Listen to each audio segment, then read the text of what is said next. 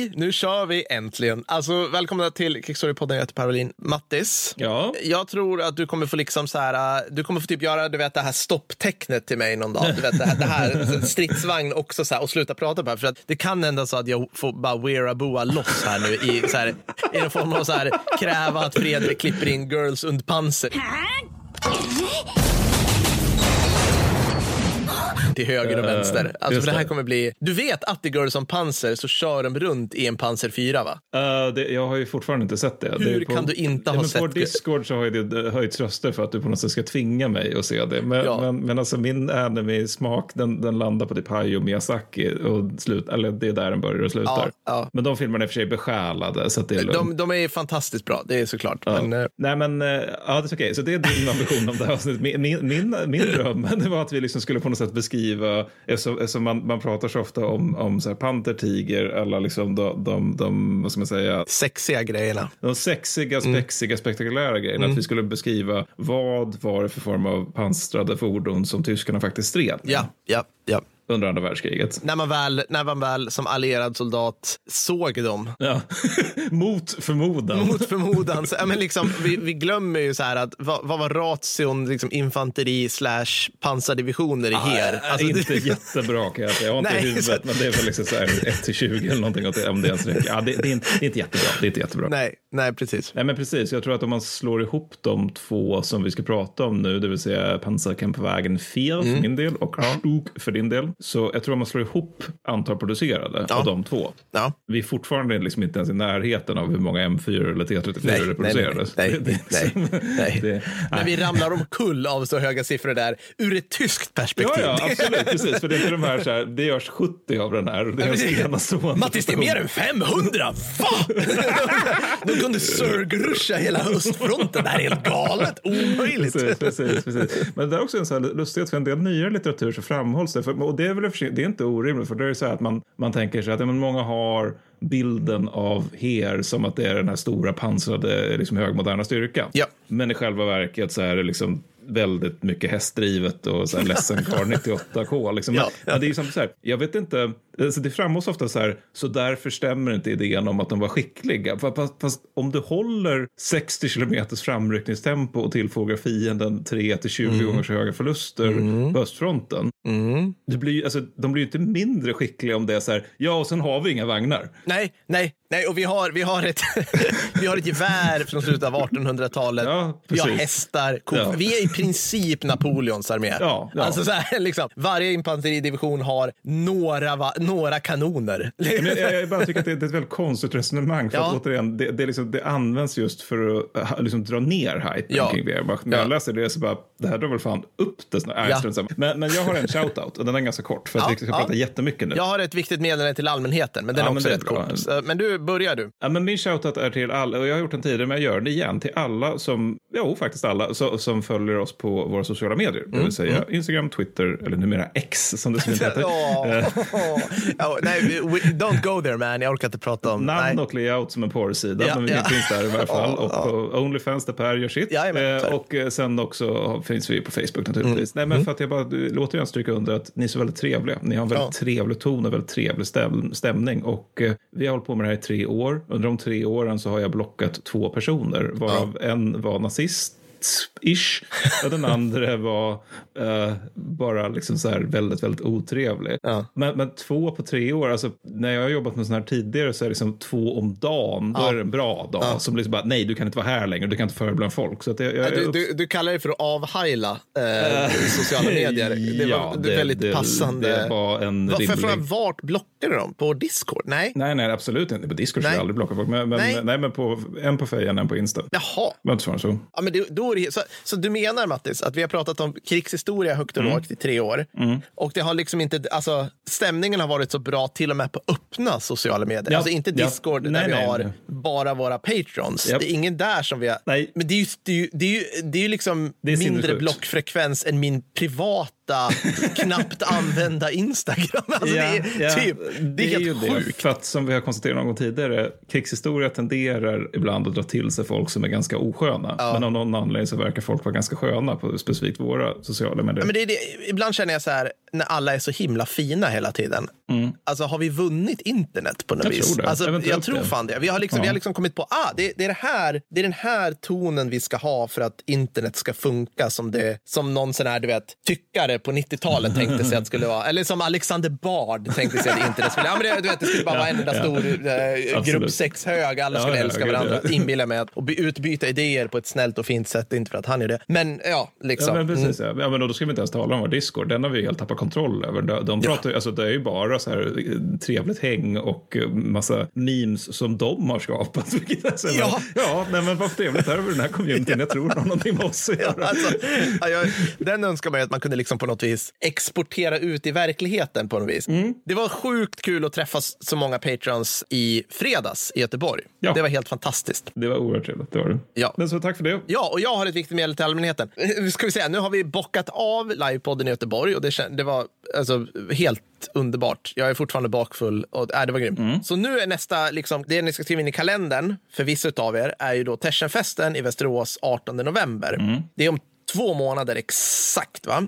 Nu ska vi se, Ja, oktober, november. Ja, ja. september, oktober. Och om du inte har fått det redan, så lugn. Vi kommer komma ut med information till det här i god ordning. Så att alla ni G2-are som kvalar in, det vill säga vårt G2 är minst sex månader, hjälp mig nu, innan Mm. Tersenfesten är, kommer få meddelanden och allt sånt där. Så, så chilla. Men som sagt, 18 november är Tersenfest i Västerås och vi får chans att skämma bort er Ja. som ni skämmer bort oss. Ja, det låter som en strålande tanke. Ja, helt enkelt. Kan vi få höra lite bandaggregat, Fredrik?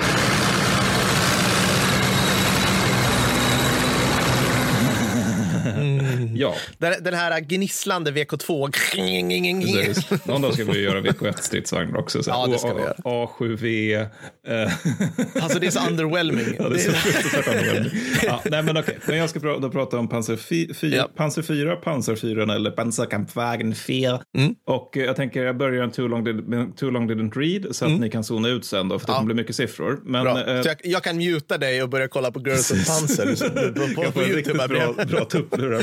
Nej, men alltså så här, det, det här är en pansardödsvagn som har eh, fem man i besättningen, Mm. vilket är chef, radio, förare, skytt, laddare. Själva layouten, vill jag minnas, är dessutom väldigt modern för tiden. Mm. Då, alltså hur man placerar ut dem. Då. Men det börjar med en, den börjar med en eh, kort 7,5 cm kanon. Får jag, bara, och- får jag bara fråga ja, Mm. här? Så här kommer det bli hela avsnittet. Jag är ledsen, jag stör dig. Sitt, är det inte så att du har föraren nere till vänster Mm.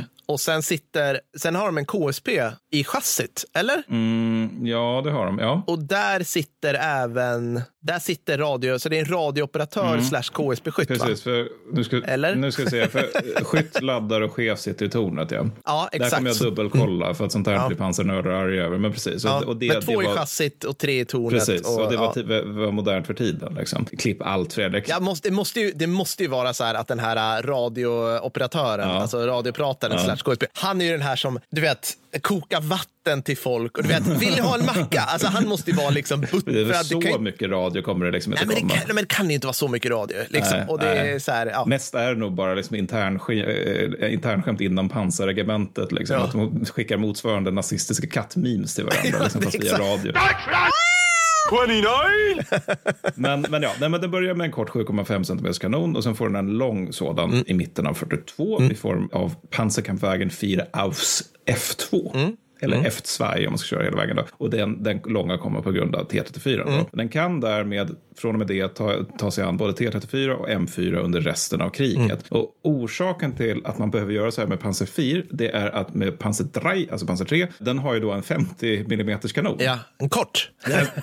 Ja, den är ganska lång. Är ganska- den, är- den, ja, men den är så här medellång eller Ja. någonting. Men, men, men det står alltså 50 mm är lite klent så när man ska ta sig an tyngre, Ja. inte minst sovjetiska vagnar. Ja. Och den, sen lite senare under kriget så ska den ersättas med Panter. Men den kan inte ersättas med Panter eftersom pansarförlusterna är så höga att de måste ersättas. Mm.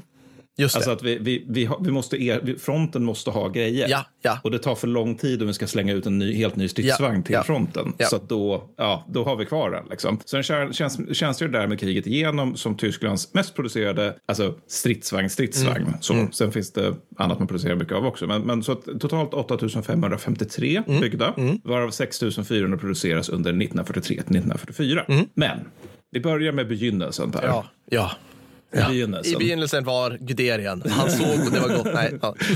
Han som uppfann kriget enligt sina Ja, egna ja, ja. memoarer. Men, nej, men så här, vet ni när man började bygga den där? För jag tycker det är, liksom, det är lite intressant med tanke på att den håller till 45. ja, men är det inte så här eh, 39? Kan det vara? Eller liksom, Mm, Nära, alltså 36. 36? Ja, och det, och det, är ju liksom, det är ju så pass tidigt att ingen vet vad en stridsvagn är över tiden eftersom innan man trycker på stora produktionsknappen så har man en livlig debatt om hur många torn ska den ha? Alltså, ja, 36 är ju liksom, vi fattar inte hur mycket som hände typ, alltså precis åren innan VK2 drog Nej. igång. Nej, 36, visst, då pratar vi om så här, men då var det så här helt kosher att ha en sån här, så här Renault-stridsvagn med du vet ett litet plupptorn på som Ja, vägde visst, fem ton. Ja. Och liksom sån här lådbil. Det var liksom visst. det här. Ja, det här Alternativt att du har den här stora monstervagnen, vad nu den heter, T, I mean, T någonting. Ja, sånt. Som har, alltså, jag tror det är fem torn. ja, precis. Vilket är jättevirrigt när man är i strid. Det är, jätte, det är helt Och sämst. som också ledde till alla tekniska haverier. ja, ja, Så att det- ja. Det var några, ja. Nej, men, men, så, så, att- men det blir tro- trots allt ett torn då. Ja. Och den är tänkt att den ska samar, samarbeta med, med Panzer 3. Då. Ja. Treorna då, de ska med sin mäktiga 50 mm kanon ge sig på pansar, alltså andra, andra stridsvagnar. Medan fyran snarare ska understödja med spränggranater från sin lite grövre kanon Ja. och bekämpa PV, liksom, Ja. så att treorna kan göra sitt. Ja. Liksom. Och därför har fyran ganska klen pansar eftersom den ju då inte ska ta täten. Nej, precis. Nej. Exakt. Det, det här är bra att ha i åtanke när vi kommer till senare delen av Ja. kriget. Det här är varför man bygger, bygger den och hur den är tänkt att användas. Ja. Ja. Och mycket av hur den är tänkt att användas det är också utifrån så här, hur tror vi att pansarkrigföring kommer bli? Mm. Och så här gör ju alla arméer över den här tiden. För ingen vet ju, alltså man har ju så här lite VK1-slutet, men det är, inte riktigt, det är inte riktigt så som det faktiskt blir under andra världskriget. Liksom. Nej, jag, jag, tänker, jag tänker liksom idag, eller det, det som det blev. Eller f- kör på, Okej, kör ja. på. Jag kommer, jag, kommer, jag kommer störa dig Ja, tillräckligt kör sen. din Nej, men, stackare. alltså, B- B-versionen börjar man utveckla nästan med en gång. Ja. Och den har liksom bä- bättre, kraftfullare motor och bepansring. Like you do, de flesta Like stridsfordon Ja, känns det som. Ja, ja verkligen så. Men man överväger en ny kanon, men man struntar i det eftersom man helt bortser från tunga franska vagnar då, så man tänker att ah, det ser lite läskigt ut. Men samtidigt är det ju så att vi har den här 7,5 Ja. och den har PV-granater och den kan förmodligen ta sig an annat pansar. Mm. liksom, om, om den får ansträngas lite grann. Så. Och redan med en gång så är ju den tyska toen en placeholder ja, naturligtvis. visst, visst. Ja, ja, ja. Vi bara måste ha någonting här för att visa. Det här är ungefär vad vi vill ha. Sen har vi verkligheten, det är någonting annat. Ja. För att då har vi liksom, alltså att, tanken är att pansardivisionerna ska domineras helt av treor och fyror. Mm. Men på grund av industriella tillkortakommanden så finns det även en hel del tvåor och ettor med. alltså även sent i kriget. Och det, det är liksom, men, men bara som ett exempel då på hur mycket placeholder det är så är det liksom att alltså fjärde pansardivisionen ska inför invasionen av Frankrike, då är vi ändå en Mm. Ett år in i kriget. Den ska ha 56 stycken pansar 4. Ja. Den har 24. Ja. Det är en annan siffra som är lägre. Men får jag bara så här, jag läste ju någon, jag lä- läst någon så här eh, memoar, pansarmemoar. Han, ja, skitsamma. Någon så här, ja, med, du vet, med tigern på östfronten eller något sånt där. Typ Wittman-aktigt liksom. Karius kanske? Ja, Karius kan det ha varit. Och han gick, alltså så här, med tanke på hur, hur ska man säga, hur med liksom, med fingernaglarna i desperation Wehrmacht liksom snubblade fram till en modern krigsmakt. Ja. Om man säger så. Ja. Det var ju liksom att han invaderade Sovjetunionen i en så här erövrad tjeckisk vagn ifrån tidigt 30-tal. det var liksom, vi, det var vi så här, kommer komma till dem. Ja, ja, men sen gick han liksom från den och bara Ja. Nu har tigern kommit. Alltså, så att det, är sånt, det är sånt otroligt. Han, bara, så han fick ju kliva från den här lådbilen med wellpapp på Ja, liksom, ja. till en tiger. Det var liksom hans... Ja, Det var bara en det, rolig... Det, är en, eh, det, är en, det är en utveckling får man säga ändå. Mm, Men båda var med hansar tyckte man. Ja, Alltså, här, absolut. Nej, men, men, men, och, grejen- men så man invaderar Polen då med eh, hela 87 stycken Panzer 3. Oj, oj, oj. Det är alltså för hela Polen Ja, ja. Man har 87 treor och man har 194 fyror. Då, så det är ändå fler. Men sen kommer vi då till resten där det finns 1151 Panzer 2 och 1026 ettor. menar, och då får man ju tänka att det, det polska pansarvapnet bestod till stor del av tanketter. Ja. Så vi har eventuellt i Pol, ifall Weiss då, Polenfälttåget, det stora tankettkriget. Ja. För att jag menar, Ja. Panzer 1, det tangerar fan gränsen Jajamän. till en tankett. Alltså det, det är en läststridsvagn. Vi men det kommer lägga ändå- upp bilder på allt det här och eh, raljera i, i discorden på extra material. Ja, Men det är verkligen så här stora lådbilslådlandekriget så liksom. Och det finns också fler tjeckisk-tillverkade vagnar i invasionen av Polen än det finns treor och fyror. Så att det här, alltså, det här är primitivt Ja, när man går in i ja, Polen. Då. ja. Och mycket riktigt påpekar, påpekar tyska after action reports att ettor och tvåor står emot gevärskulor. High five! De står emot gevärskulor. Ja, bra, alltså det är bra. där det börjar och slutar Ja. ungefär. Så de, man, för, liksom man förordar att ska, man ska gå över till fyran istället för allting annat. Men det sker inte på grund av ovan nämnda produktionsproblem. Mm. Liksom. Men, men liksom, the, the, the Powers That Be lyssnar dock på en punkt och det är att man alltså, till invasionen av Frankrike förstärker pansarkampvagn 4s pansar. Ja, okej. Och det här blir dels via AUS D, alltså AUS som Mm. är version ungefär, som byggs med mer pansar då förstås, och dels med förstärkningspansar som byggs på eh, fabrik och sen liksom ute på förbanden då av ingenjörer kan fästas på de äldre versionerna. Ja, för den är, ju, den är ju rätt på så sätt praktisk, för den är ju liksom så fyrkantig. Ja, alltså du Det är kan liksom raka linjer ja. lite grann. Ja, visst. Mm. Nej, men så, att, så att om du har en B-vagn till exempel och men ingen D-vagn, då, då får du liksom någon form av pansarförstärkning som du får typ gjuta på, eller inte gjuta, men du fattar. Det är lite så här stridsvagnstechnical får jag känslan av. Ja, men det är ju det. Och det är också lite grann som det här Robot Wars som Ja. vi såg när de var Ja. små. Du vet. And here comes Killalot! Three, two. Det var så konstig programidé på typ Ja, femman eller oerhört. sexan gick det. Absolut. Sexan när man kom och det var också det här med att man egentligen ville se de här liksom inhouse-robotarna slåss mot varandra snarare än de här liksom grejerna som bara framförallt välte varandra. Det var ju Ja, det som funkade precis, egentligen. precis. Men, men, ja. ja, nej men precis så. Lönnfeta britter. Where are we now? Det var så, britt, var så otroligt brittiskt. Där. garagebritter. Ja. Liksom. Man har gift sig in med sina kusiner väldigt länge Ja, på den. ja, ön. ja, Yorkshire. Ja, förlåt. Ja, ja. Problemet är att när man kommer till D-versionen då är det liksom att det redan nu väger tre ton mer än A-versionen. Och det här är en trend som kommer fortsätta. Mm. Ja. Och nu ökar ändå produktionen, men toan förblir vad vi vill ha, slutcitat, Ja. snarare än vad som finns. Ja. Så ergo invaderar vi Frankrike. Eller vi, vi Ja. invaderar Nazityskland, snarare krigshistoriepodden. Ja. Frankrike med 280 stycken fyror, 349 treor, 325 tjeckiska vagnar och, håll i dig, Jajamän. 920 tvåor och 554 ettor.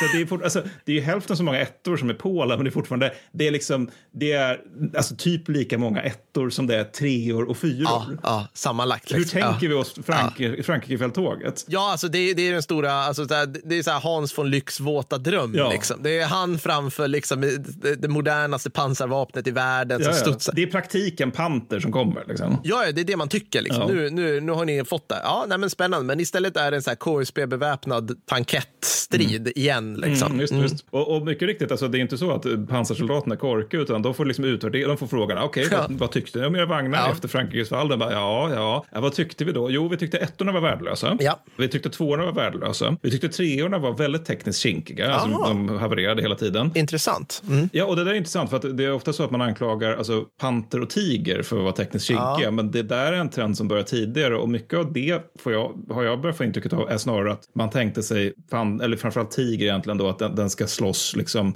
i närheten av någon form av rimlig infrastruktur. Ja, just det. Just det precis. Mm. Och sen så när man använder den i liksom det bergiga u-landsitalien eller liksom sovjetisk steppen, Ja. då blir det liksom, där finns det inte sån. Men, Nej. men skitsamma. Men fyrorna tycker de då har bra kanon och god pålitlighet, så Mm. de gillar fyrorna. Men dock, fyrorna har fortfarande för klen bepansring. Mm. För att alltså, fransmännen, de har flera utmärkta vagnar. Bland annat har de en som heter Zuma, som nog är en av de faktiskt mer revolutionerande designerna Mm. under det tidiga kriget. Men så får ju inte den riktigt tillräckligt tid för att finnas på grund av att ja, Frankrike upphör att finnas. Ja. Men, men, men de har flera bra vagnar som kan besegra fyror, medan fyrorna ofta har svårt att besegra dem. Mm. Och omvänt så har vi det här med att alltså franska 25 millimeters PV-kanoner Ja, ja. kan slå igenom fyrans rätt beskedliga 30 millimeters frontalpansar. Det är alltså 25 millimeter. Det säger en hel del att du måste säga kalla 25 millimeter för en kanon. Alltså, så här, liksom. Ja, men så här, alltså, I kanoner brukar man gå över den där fina gränsen när man pratar om centimeter. Ja. Jag menar, Ja. vad har en GRG för kaliber? Ja, 8,4 centimeter. Ja, mm. så, så att det, Ja. liksom, det, här, det här är här är liksom, det här är lägre än modernt buret i Ja, kaliber. ja, ja, Men så kan det vara. Det slår ändå ut en Panzer 4 Ja, ja, illa. ja. Så Ergo kommer till oktober 40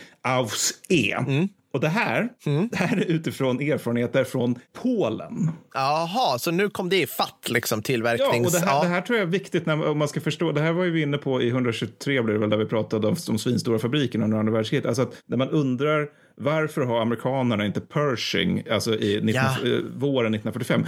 För att det är långa ledtider. Ja. Det tar svinlång tid. Ja. Ut, och då, nu är det inte så här utveckla en ny vagn, utan det här är förbättra befintlig vagn. Och det är ändå så här, våra erfarenheter från invasionen av Polen hösten 39 bär frukt, alltså ganska precis ett år senare. Och den här har nu 50 mm frontpassar. Den väger naturligtvis 4 ton mer än A, men har samma motor som B, vilket Ah. säkert inte får några följdeffekter. Eh, och dessutom tenderar också besättningen som nu börjar bli lite, så här, de börjar bli lite skakiga över hur lätt det är att liksom krafsa hål på Ja. front, frontalpansret. De börjar liksom, de som har A och D-versionerna, eller A till D-versionerna, de bör- börjar nu MacGyvra på mer skydd. Ja, ja. Och ofta tar man bara reservband som man bara, vi, vi, vi sä- sätter på det på frontpansaret då. Och ibland är det bara så här oformliga järnstycken som bara, mm, bara som man går till en skrot. Ännu mer technical här, jag gillar det. Ja, ja, ja. ja, ja, ja. Och det här, är liksom, det här är inte bra för motorn alls. Nej. Och dessutom kan det också leda till värre skador vid penetration. Ah. Alltså att, för att det är ännu mer så här okontrollerbart eh, Skräp som metallskrot som in, försvinner liksom. in i... Ja, just inget bra för besättningen. Nej. Men nu har de ändå fått ut och köra i Frankrike och Polen och nu kommer liksom, den, liksom det som Hitler har väntat på egentligen, alltså det vill säga invasionen av Mm. Ja, Sovjetunionen. nazisternas raison d'être. Precis. Och hur tänker vi oss nu eh, här vid det här laget? Ja, men nu i varje fall, Mattis, så måste vi ha horder av moderna pansarfyror med fina långa kanoner Ja. som bara Ja. gör, gör slarvsylt av allting. Ja. Det gjorde de i och för sig ändå, det, det vet vi. Men, men, eh, ja, och, lustigt nog. men, nej, men alltså, de invaderar ju då Sovjetunionen. Återigen, fucking Sovjetunionen Ja, ja, med ja. Mm. Sverige 22 000 stridsvagnar eller någonting. Invaderar de med eh, 444 pansarfyror. Ja. Så att de har ju blivit fler. Fint. 444, okej. ja. 979 pansar 3, så att det är ändå Mm, nu börjar vi vara upp eh, tre, eller fyrsiffrigt här. Ja, Ja, snart i alla fall. Mm. 808 tjeckiska vagnar, som eh, inte är bra. Eh, 743 stycken pansarkampfwagen 2 och 281 ettor. Och alltså, de stackars satar Som var sitter i ettan.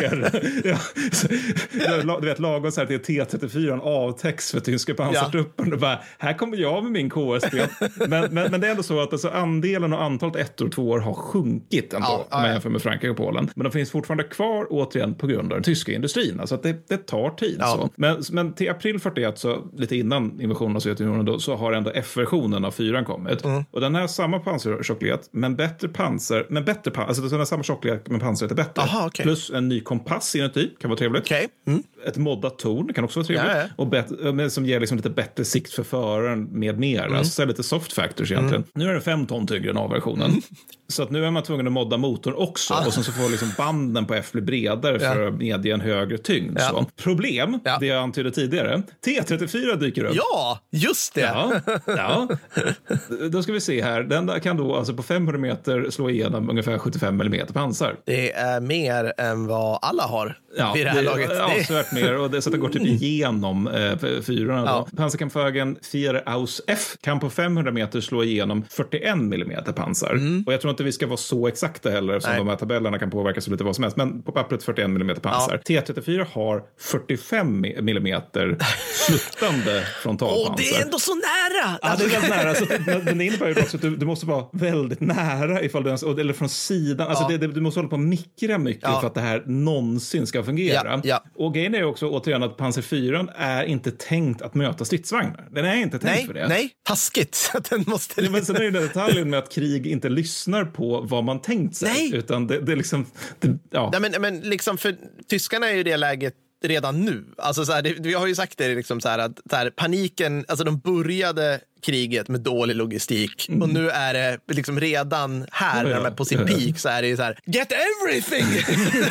så de, så nu, nu är det liksom alla stridsfordon, all, allting som har pansar, en pang och band är, pansar, är nu, pans, är nu stridsvagnar och får alltså, göra tjänst som till det. hösten liksom. 41 så är det så illa med reservdelarna att det, det vid något tillfälle förekom att alltså, alltså skyttesluskar avdelade för att nej, för hämta reservdelar, nej fel, lastbilar var det, som de, skulle, de skulle hämta lastbilar som skulle försörja pansardivisionen. Landet Ja. från olika tyska förband började beskjuta varandra. För de kunde liksom inte komma överens om vem som skulle ha lastbilen. Alltså det var inget stort slag, men ändå så här skottlossning utbryter för att vi måste... Ja, men så, så kan det vara. Men, men eh, på grund av T34 får man ju nu ut, panikutveckla lite saker. Och det första saken är ju då granater med bättre PV-förmåga. Ja. Och det här kommer ganska snabbt. Men det andra det tar längre tid och det är bättre kanoner till fyrorna. Ja. Och det tredje tar längst tid och det är en ny, helt ny stridsvagn, vilket ju då blir Panther. Mm. Ja. Och i väntan på det här så får Panzer 4 på östfronten typ taktikanpassa när de möter 334. Mm.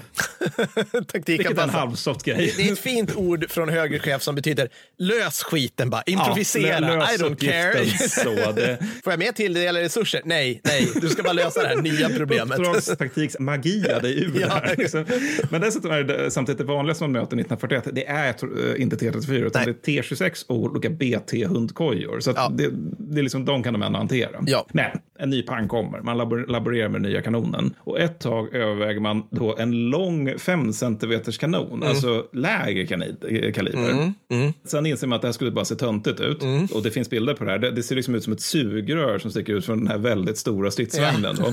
Så istället så sätter man den långa kanonen då på Panzer 3 då istället. Så att den får, ska få lite bättre PV-förmåga. Jag hoppas verkligen någon tysk så här, ingenjör sa, skrev, se töntigt ut. Alltså, det ska, Ju- Just i fallet Nazityskland tror jag inte man ska underskatta liksom att, estetik. men det blir ju ballt. Ja, exakt. Det ser, hur det ser Det är ut. typ det som är pansarlerdivisionen, bara, men det blir ju ballt. Ja. Och så bara, ja, fast ni har tömt pansarskolan. Ja, men det, det, det är lugnt, för det blir ballt. Ja, men så till mars 42 så får äntligen då pansarkampfvägen 4 Mm. 7,5 centi- eh, 7,5 centimeters KV, K- KWK 40L 43 kanonen. Mm, det här antecknar vi alla nu, jag lovar. Ja, mycket bra. De vagnar som får de kallas nu för pansarkampfvägen 4 aus F2, alltså F2, Mm. vilket snart byts till G för att den där mm. harangen orkar ingen säga. Mm. Och den här kanonen de nu har, den är nästan dubbelt så lång som den gamla. Mm. Och så att den har liksom högre utgångshastighet och kan ty typ ta sig an allting som de allierade har eller kommer att ha i fält. Minus typ IS-2 som kommer på slutet. Men det, det, det, det, det spelar ingen större roll vid det laget. Det är kul också, jag måste bara säga att Aus G Mm.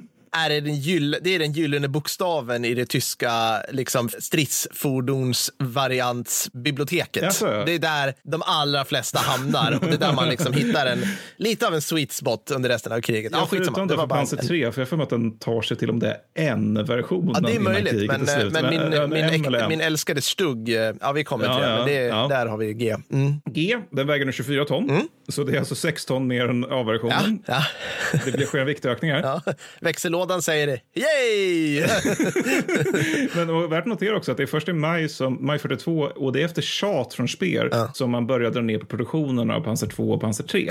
Och det här är på grund av reservdelssvält inte minst. Jaha. Alltså att vi liksom måste prioritera reservdelar till de vagnar som faktiskt fungerar. Så Stug och Panzerkampfwagen 4G, de fortsätter dock och ökar till och med eftersom Jajamän. båda ses som krigsvinnande. Ja. Och här någonstans i och med liksom produktionsnedgången av treorna och, och den långa kanonen på fyrorna så blir, tyskarnas, liksom blir fyran tyskarnas tänkta huvudvagn. Mm. Så ergo finns det inga ettor i fall Blau, alltså i, när man börjar slåss mot Kaukasus. Nej. Men treorna dominerar fortfarande. Ja. Så det är ungefär lika många tvåor som fyror. Alltså det, det är liksom, I fall Blau. Det är alltså typ 270 av varje då mot ungefär 900 tre, Ja. eh, treor. Och det här är också liksom, det här är inte riktigt som man tänker sig. Man tänker sig fyran som den vanliga vagnen. Ja, ja, det här är något som ofta sägs på YouTube. Det här var den de hade. Bara, Ja, fast det tog ett tag innan de hade Ja. den. Orsaken då, det är återigen produktionen går långsamt. Varför trean förblir huvudvagn under hela sommaren 42 då. Mm. Ergo är pansarkampfvagn 3, det är liksom den vagn tyskarna har flest av om man slår ihop alla fronter. Och det här är även så sent som alltså, april 43. Mm. Alltså, bara några månader sedan så introduceras Panter på slagfältet. Ja. Det är fortfarande så att trean är den som de har flest av om man slår ihop alla vagnar på alla fronter. Det är fortfarande helt sjukt. Vi, Ja. borde, ju bara, vi borde gjort ett avsnitt om trean bara. Alltså, Ja, det kanske kommer, det kanske kommer. Ja, det, det måste vara så, liksom, så hopplöst att man sitter där som en tysk pansarslusk och så bara, jaha, nu finns det jetplan ovanför oss. Alltså, vi, vi kommer ju dit liksom. Ja, visst, visst. Och jag sitter här i en vagn som liksom ritades upp så här, slutet på 20-tal. Nej, men liksom, det måste vara så, det måste vara så deppigt liksom. Ja, visst, visst. Ja, men visst. Och samtidigt är det också liksom förmodligen en ganska generaliserad deppighet. För att till april 43 så har man på alla fronter 628 stycken fyror. Man har 1210 treor. Ja, ja. Ja. Och orsaken, återigen, man har bättre vagnar på- än treorna på G, men produktionen är som den är. Ja. Alltså tyskarna kan liksom inte sluta producera treor bara för att Panther kommer att komma, för fronten har så att säga sina egna behov. Ja, ja, ja. Men då är frågan då, går det bra för pansarkampfwagen Fia? Eh, Alltså strategiskt är ju allt en katastrof. Jajamän. Tak taktiskt så rapporterar, rapporterar 11 pansardivisionen att man 28 juni 42 till 11 mars 43 slagit ut jämna 1000 sovjetiska vagnar. 664 av dessa slogs ut av pansarregementet, så resten är typ så här folk som ka- står med kofötter eller kastar handgranater på dem. De egna stridsförlusterna under hela den här perioden, notera stridsförluster, Ja, ja, ja. inte totalförluster, men stridsförluster, 50 vagnar. Oj, Ja. väldigt bra. Den sovjetiska siffran har dubbel och trippelkollas av tyska ingenjörssoldater. Ja. Och vi kan halvera den och den är fortfarande exceptionell. Ja. Alltså att vi säger att nej, men det var inom stora stationstecken bara 332 stridsvagnar som slogs ut av 11 pansardivisionen Ja. och vi tappade 50. Det är fortfarande ganska bra. Ja, Alltså ja. Det, det är ganska bra. Och orsaken till att, det här, äh, till att det är så här är att de nya eldrören fungerar finfint. Tyskarnas taktik är bättre än den ryska. Tyskarna har erfarna besättningar till skillnad från, Ja, från ryssarna. Fortfarande. Det kommer ändras som vi vet. Men, Ja, ja, fast men, nätt och jämnt. Alltså det, men, men ja, sen pansarkampfwagen 4 hade som bättre samband och sikt än T34 med mera. Plus naturligtvis Mm. Ja. den eviga lagen om Ryssland LOL. Ja, ja. En annan rapport från Grossdeutschland-divisionen anger 269 utslagna sovjetiska vagnar under striderna i mars eh, 1943. Ja. Av dessa anges 250 som T34 och av totalen bedöms pansar 4 ha med lång kanon ha stått för 188 stycken. Ja, så alltså, vid det här laget så är det här en kapabel pansarräpare. Då. ja. Även, om, även om vi återigen halverar de siffrorna så är det bra. Så är det väldigt, Och det väldigt som bra. ska vara liksom ryssarnas bästa vagn i princip. Ja, ja, liksom. Sen är det för sig T34 76 vid den här tiden, men, men alltså, även de kunde även slås mot 85orna. Men, Mm. men de, vi kommer till de sista versionerna då och det är liksom att i juni 43 kommer Aufs H. Mm. Den har en förstärkt drivlina, 80 mm frontalpansar. Nu väger den sju- 7100 kilo mer än A-versionen Mm. Ja. naturligtvis. Så den behöver den där förstärkta drivlinan. Ja. Den ges även pansarkjolar över banden som skydd mot den här PTRD-bössan som uh, ryssarna springer omkring med Just också. det, just det. Det är de här stora plåtschabraken som man ser liksom Precis, sitter över precis. där. Mm. Och det, det fanns en slags nätschabrak också som man använde senare som tydligen ska ha fungerat hyfsat mot bazooka till Jaha, exempel. Alltså att ja. nätet fångade upp Ja. eh, själva projektilen. Så. Väldigt mycket war on terror det kan jag säga. Ja, att ha nät sådär liksom. Mm. Ja, men GH och J-versionerna det är de som tyskarna bygger många av. Så att man bygger 1927 G av G-versionen, 2324 av H-versionen och 3160 av J-versionen mot 1142 av alla vagnar A till F. Ja, ja. Så alltså, de här tre sista det är de man bygger mycket av. Ja. Och samtidigt så går, är, så går många fabriker över till annat än Panzer 4 då, som till sommaren 43 börjar bli ganska gammal. Så exempelvis får Krupp, de får börja göra Stug 4 Mm. från december 43 och medan andra är Panter. Och egentligen är det bara Nibelungverket som fortfarande gör Panzer 4 kriget ut. Men Mm. det tog vi upp i avsnitt 123. Så 44 till 45 så blir Panzer 4, ska man säga den nya Panzer 3. Det vill Mm. säga alltså en vagn som är lite för gammal men som inte går att göra sig av med på grund av frontbehov. Och vissa vill att man ska göra alltså Storm pansarvärnskanonvagnar istället för Panzer 4. Andra vill att man ska göra Panter. Mm. Men fyran blir ändå kvar, inte minst för att alltså, den är bedöms som mer allsidig än de här rena Storm och pansarvärnskanonvagnarna. Mm. Och att fyran börjar bli omtålig, det märks dock i det totala pansarbeståndet. För att i december 43 skickas 339 pansarkampfwagen 4 till förband. Mm. Samma månad förlorar tyskarna 316 stycken pansarkampfwagen 4. Ah, ja. Ja, Ja. Så det är en ökning med ungefär ja, vad blir det, 23 vagnar då för, för alla fronter. Hurra, Då. hurra. Ja. Ja, så beståndet av pansar 4 ligger på, därmed på alla fronter på någonstans mellan 1200 och 1800 juni 43 till mars 44. Medan däremot Pantern, den går från 273 vagnar till 1451 vagnar under samma period. Just så den växer kraftigt i fält under samma period. Och orsaken är att Pantern är mindre ömtålig plus att den produceras av andra Nibelungenverk.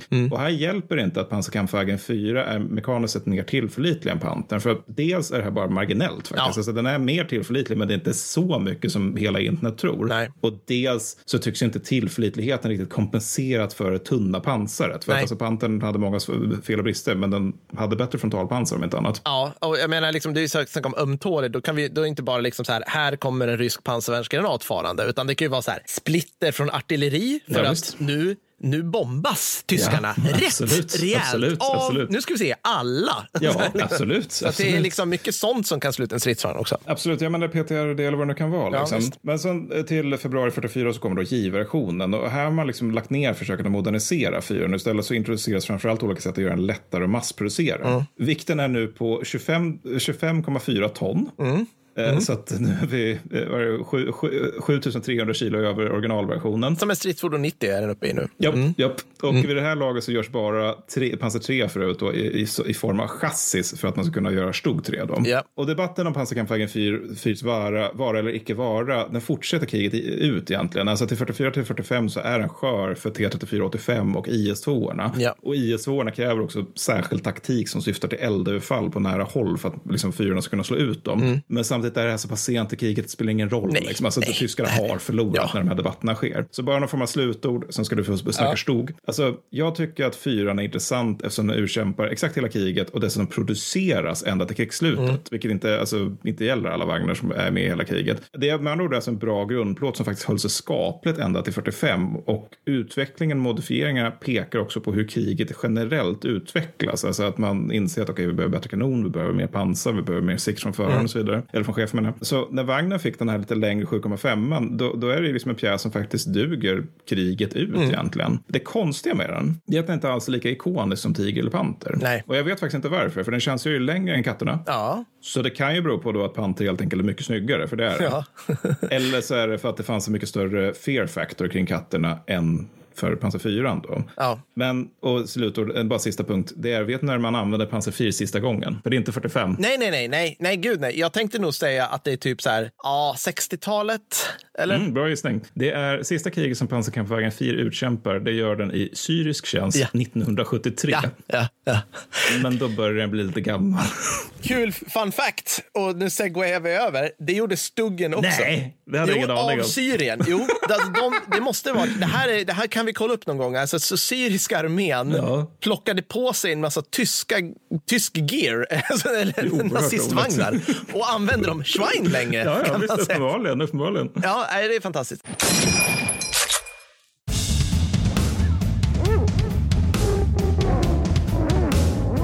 Denna veckas avsnitt presenteras av Göstas ved och pansarvärn AB. Och Gösta levererar nu sin vana trogen ett dunderdeal exklusivt till dig, kära lyssnare. Under en mer eller mindre legal roadtrip i Östeuropa i somras så snubblade Gösta över en stugg 3 som var nedkörd i ett kärr. Denna kan nu bli din. Fordonet hämtas för köpare och klargöras över alla landgränser. Gösta och Pansarvärn AB är inte alltså skicket på fordonet är ett ägenskap av fordonet. Slå till nu så skickar med en Panzer 1 på köpet. Mattis, du har väl en sån lådbil eh, till sonen hemma på tomten? Jajamän. En synnerligen bra deal, säger jag.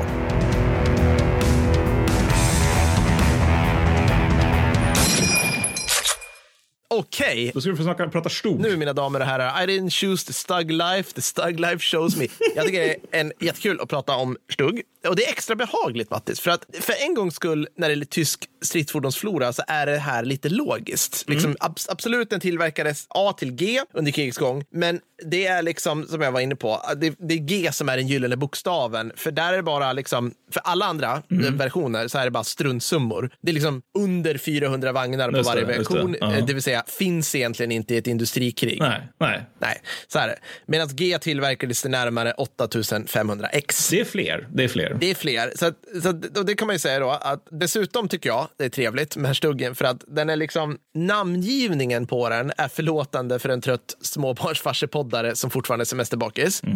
Stugg 3 Ja. producerades i övernaturliga sinnessjuka ur tysk synvinkel alltså. 10 000 X som vi är inne på, alltså 8500 plus de andra. Och baseras på Panzer 3. Ja. Så 3 och 3. Ja.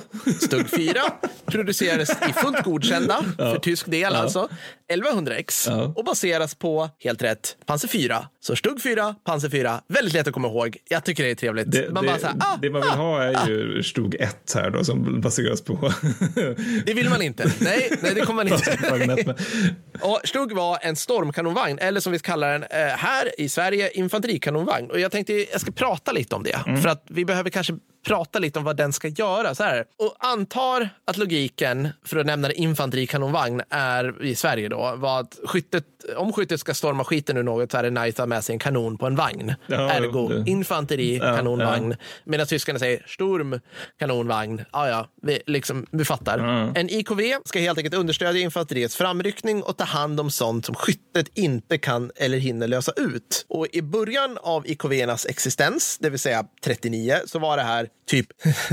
man blir nästan nostalgisk. Här, mysiga små KSB-bunkrar på den, på den polska slätten. Ja. Men du vet, där de hade liksom en sån här 19, Mark 1919 Ja, ja, och pangade. Ja. Och, och he, liksom Schützeln bara ach nej och kastas ner och då så här, meh, kommer det fram en pung och, "Oj!" och så springer man vidare. Ja. Mot slutet Ja. så var det ju liksom fientliga stridsfordon, typ BMP. Nej, men liksom det, Ja, men då dyker alltså de det- här sovjetiska monstren också, de här ISU-varianterna som har typ, Ja. vad de har, så här 15 centimeters pjäser eller någonting åt det. Ja, vi pratar om liksom blasta oss igenom typ Maginot-linjen Mm. med, med liksom bu, bandburna kanoner slash allt, allt, allt är mot skyttet nu. Så, I Sverige hade vi lyxen att understödja skyttet med IKV som ibland hade sina pangare i torn i form av IKV 72 och 91, men som ibland inte hade det i form av IKV 73, 102, 103. Sjukt nog och det här är- säger otroligt mycket om Sverige faktiskt. Är det bara IKV 72 som är ett derivat av en tidigare stridsvagn alla Stug 3 från Panzer 3? Är du med så här? Alla är med så här långt. Så när det gäller de andra så byggde kalla krigs-Sverige med Tage, God of War, Elander dem från grunden.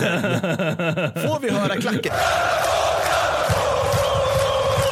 Jag tror inte vi fattar vilken, alltså vi hade en, en liksom, det är en, det är en omfattande stridsfordonsproduktion Ja. och det, det är så sjukt för att idag så gör man allt man kan för att inte ha enskilda fordonstyper med enskilda chassin. Allting ska vara modulärt nu. Av liksom stridsekonomiska skäl och ekonomiska skäl bara. Skitsamma, vi skulle prata stuggen. Den första stuggen lämnar fabriken 1940, vilket är sent om man Ja, tittar på det att problemet den skulle lösa hade man ju haft span på sedan vecko ett. Ja. Alltså, man insåg ju redan då så att skyttet har problem med befästa punkter. Mm. Och det här är liksom, det här är liksom tiden innan man hade bandgående stridsfordon som fraktar trupp som kan kringgå eller pansarvapen överhuvudtaget. Liksom. Mm. Ja, ja, hur som helst, man satte in, eh, sent ändå, man satte in en kort 75, cent- eh, 75 mm kanon. Mm. Sedan, Mattis, eh, som du var inne på här, en sugig veckodag sommaren 41 så upptäcker Wehrmacht 334 Ja.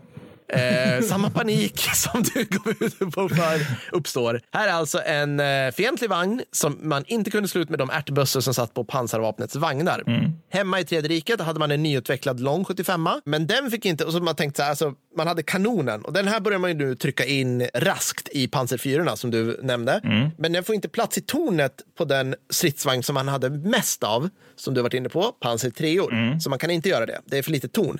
Men Stuggen har plats i chassit. Ah. Vips så var en pansarjäger född. Så den får alltså byta roll från infanterikanonvagn till pansarvärnskanonvagn i praktiken? Ja, den kommer heta Sturmgeschütz alltså hela kriget igenom. Men ja, vad ska man säga? Vi kommer lite till det, hur den organiseras, för då blir det väldigt ologiskt tyskt. Eller blir väldigt tyskt. Okej, fler fördelar med Stugg, för jag, jag tyckte det här var så här, man, man inser att det här är ju match made in heaven. Liksom. Panzer 3-chassis plus en lång 70 75 är awesome. Den var också billig. Alltså, du som Mattis som spelat Tyskland på hard i alla dina spel. Alltså, du har några val. okej? Du kan få 10 stugg eller tre stycken tiger.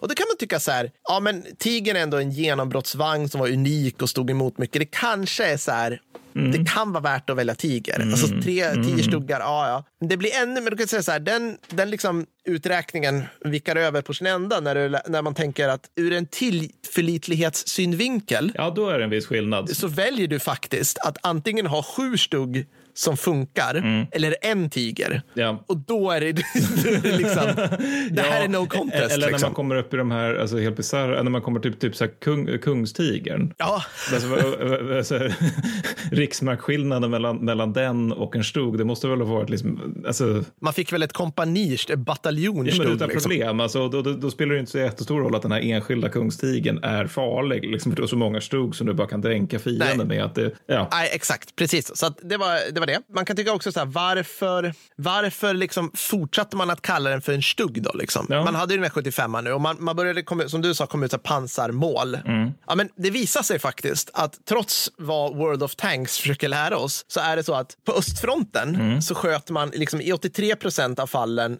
ej, mot ej bepansrade mål, det, såsom infanteribyggnader och fordon. Ungefärliga siffror gäller även renodlade stridsvagnar. Mm. Mm. Så att om man säger så här, även dina pansarfyror med lång 75 Mm. och även att liksom de blev surgrushade av 10 000 T34 hade i de flesta fall, alltså sköt inte mot andra stridsvagnar. Det här Nej, med stridsvagnsdueller hände typ nästan aldrig. Nej. Alltså otroligt ovanliga. Liksom. Det är nog liknande från västfronten där vill jag minnas Mm. att om det är lite mindre, nu tar jag lite minnet, men att det är lite mindre än hälften av all eld som en M4 avfyrar som är mot, mot, eh, mot stridsvagnar. Och Ja. i övrigt så är det liksom mot mjuka mål av olika typer. Ja, jajamän. Krig är ju tråkigt. Ja, krig är väldigt nu, tråkigt. Det har vi konstaterat Ja. igen. Och en annan fin grej med Stuggen i synnerhet och stormkanonvagnar slash tonlösa vagnar i, i allmänhet, välkommen upp på scen stridsvagn 103, var och är att de har väldigt låg profil. De Mm. är svåra att se för motståndaren, ergo svåra att se ut. De är lättare att skydda i grävda stridsställningar. Alltså liksom, det hade, alltså hade, hade de fortsatt att bygga Stugg, då kan jag ge mig fan på att de hade satt ett litet schaktblad fram på den som hade du vet, kunnat gå ner,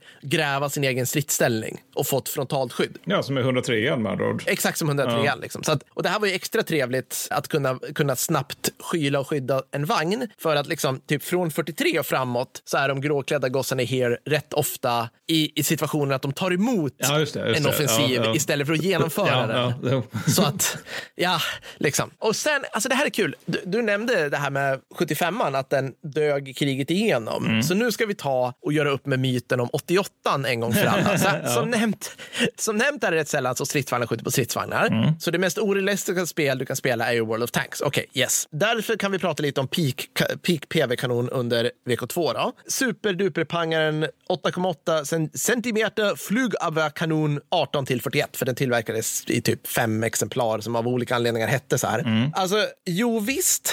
Mattis, du som nu vagnchef på en brittisk Sherman, säger vi. Det är superläskigt med rykten om att en 88 stryker fältet framför dig. Mm. Alltså så här, det kan finnas sådant. Där. Shit, shit, det här är inte bra. Men då ska jag berätta för dig att en pack 7,5 öppnar din wellpapperbepansrade Sherman precis lika lätt och ledigt. Ja, ja. Alltså, det, det är liksom, det är, det är superfarligt. Och det, det, det där är intressant. för Ja, varför har 88 som står, alltså med det sagt, sagt varför har 88 som står fear, fear factor? Alltså Ja, du, har ju, du har ju väldigt bra räckvidd med den till exempel. ja, det är det ju i och för sig. Men, Ja. 7,5 alltså, men, men, men det är fortfarande så att 7,5 är ju jätteläskig när den väl är Ja. lång. ja, och packen, alltså liksom stridsvagns, alltså skjutavstånden på de här är inte så, alltså speciellt på östfronten så är, och det kommer jag till lite grann, stridsavstånden är inte så långa som man tror. Även för man tänker sig oändliga slätter, Mm. ja, men de, de flesta var under 500 meter, alltså shooting engagement. Och liksom, och jag tycker det så kul, eller liksom jag, lä, jag läser om Nordafrika, till exempel kampanjerna där, och då är det så, åh herregud, det här är så jävla farligt. 8,8, jag bara, jo men alltså de har ju 8,8 och det, det finns fler problem med den som jag ska ta upp, men liksom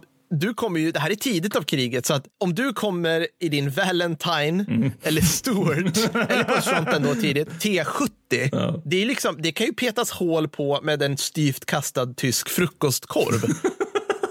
Alltså det, Ja, det, är, ju, ja. det är ju liksom, Det är inga, det är blöt det är inga wellpapp monster till och med. Liksom. som kommer. Nej. Så här. Ja, men Per, mot slutet, mot slutet slash mitten av kriget då, när snävigare vagnar dök upp en mass, funkade verkligen Stuggens kortare 75 då. Den var såklart sämre lämpad än Panterns ännu längre eh, 75 Alltså det finns lång och så finns det lång Mm. Ja, 75 ja. Eller såklart Tiggens 88. Men som jag sa, färre än 50 15 färre än 15 procent av de ryska stridsvagnsförlusterna på östfronten skedde på över 1000 meter. Mm, Det är på över 1000 meter som så här, ja men okej, då, då kan det vara nice med en 88. Mm. Eller liksom till och med avgöra. Man verkligen måste lobba in granater på det sättet. Ja, ja, men, precis, precis. Och, liksom, och de allra flesta låg på mellan 200 till 600 meter. Och vid de avstånden så slår den inom citationsteckens kortare 75 man i Stuggen och Panzer 4 igenom fronten på en T34 lätt. Liksom. 88 var dessutom eh, tung, dyr, komplicerad att bygga och underhålla, helt oskyddad och sjukt hög.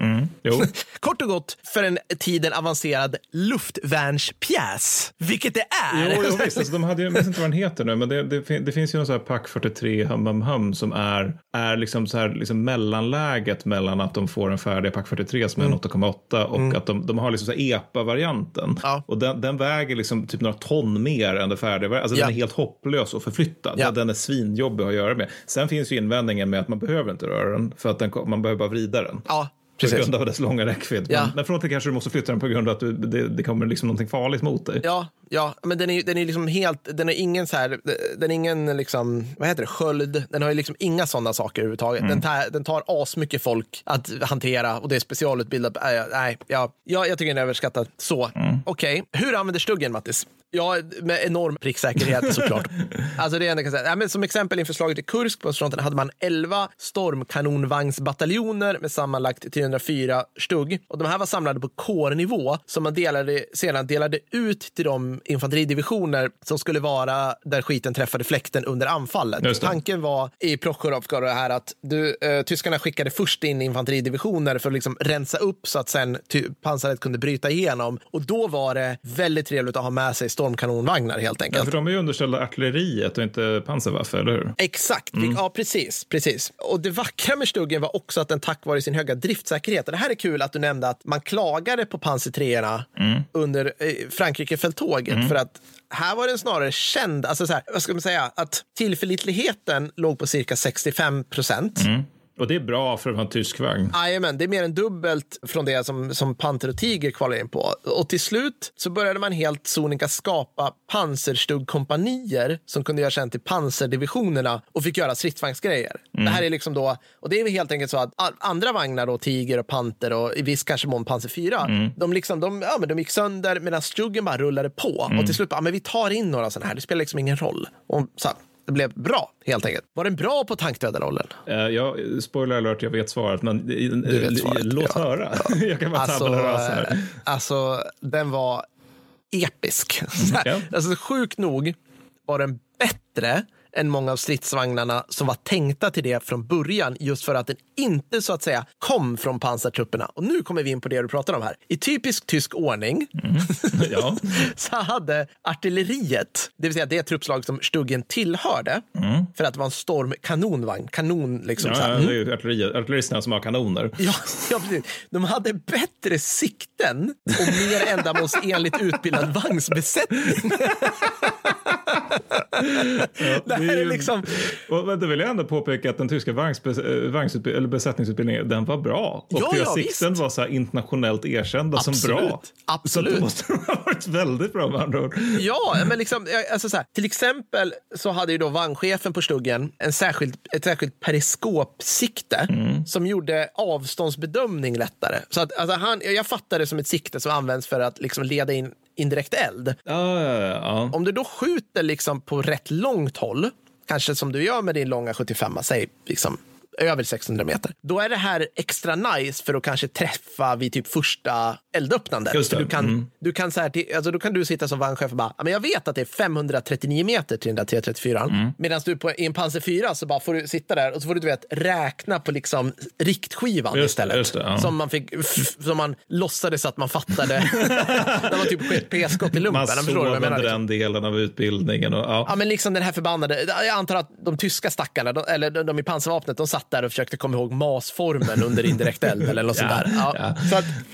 det, och det är ju så, det är så typiskt på något vis att det var någon som, som för mig är det så här att, att man inte satt in de här i 4 och liknande, utan liksom man hade några andra som var mycket bättre och som Mm. Fick ja. liksom, att jag antar att på något vis att Panzer 4 och andra vagnar fick bättre sikten och liknande för att någon snubbe råkade typ stå i mässen med honom och berätta, alltså, och, och överhörde att stuggbesättningen sa så här, och sen, sen fixar vi avståndsbedömningen på en sekund och sen är vi- träffar vi där och där. Bara, vänta, vänta, Heinz, eller hette du det? Från artilleriet? Hur kunde ni göra det? Säger jag som är bataljonschef på en Panzer Eifleitung eh, 501 eller något Ja, ja. Jo, vi har såna här bra sikten. Jaha, det är ingen berättat för mig. Nej, nej, nej. Det är, för det här är en klassisk totalitära staters militärbyråkrati. ganska, det är så de ganska ofta funkar. är det ju liksom så förklaringar, bara så här revirpinkande mellan Ja. olika trupp eller Ja. eh, vapenslag. Liksom att det, vi har den här grejen så då kan inte ni också ha den för vi vill sitta på den lite grann. Ja, vi tycker att det är precis. härligare så. Tänk, tänk om andra ska ha den. Då kan ju inte vi ha den. Jag, jag antar att det är liksom sånt som man resonerar på förrådet i alla regementer i hela Sverige. Nej, Det, förlåt. det är när man läser om Du sånt kan som inte få den, för någon annan kanske vill ha det, det, det, det, när man läser sånt som jag tycker är liksom lite intressant, att man tänker de här tankarna under fullskaligt krig. Liksom. Ja. Alltså att det, det är ändå, om vi inte delar med oss av den, då kanske det liksom är att vi förlorar annat än prestige. Ja,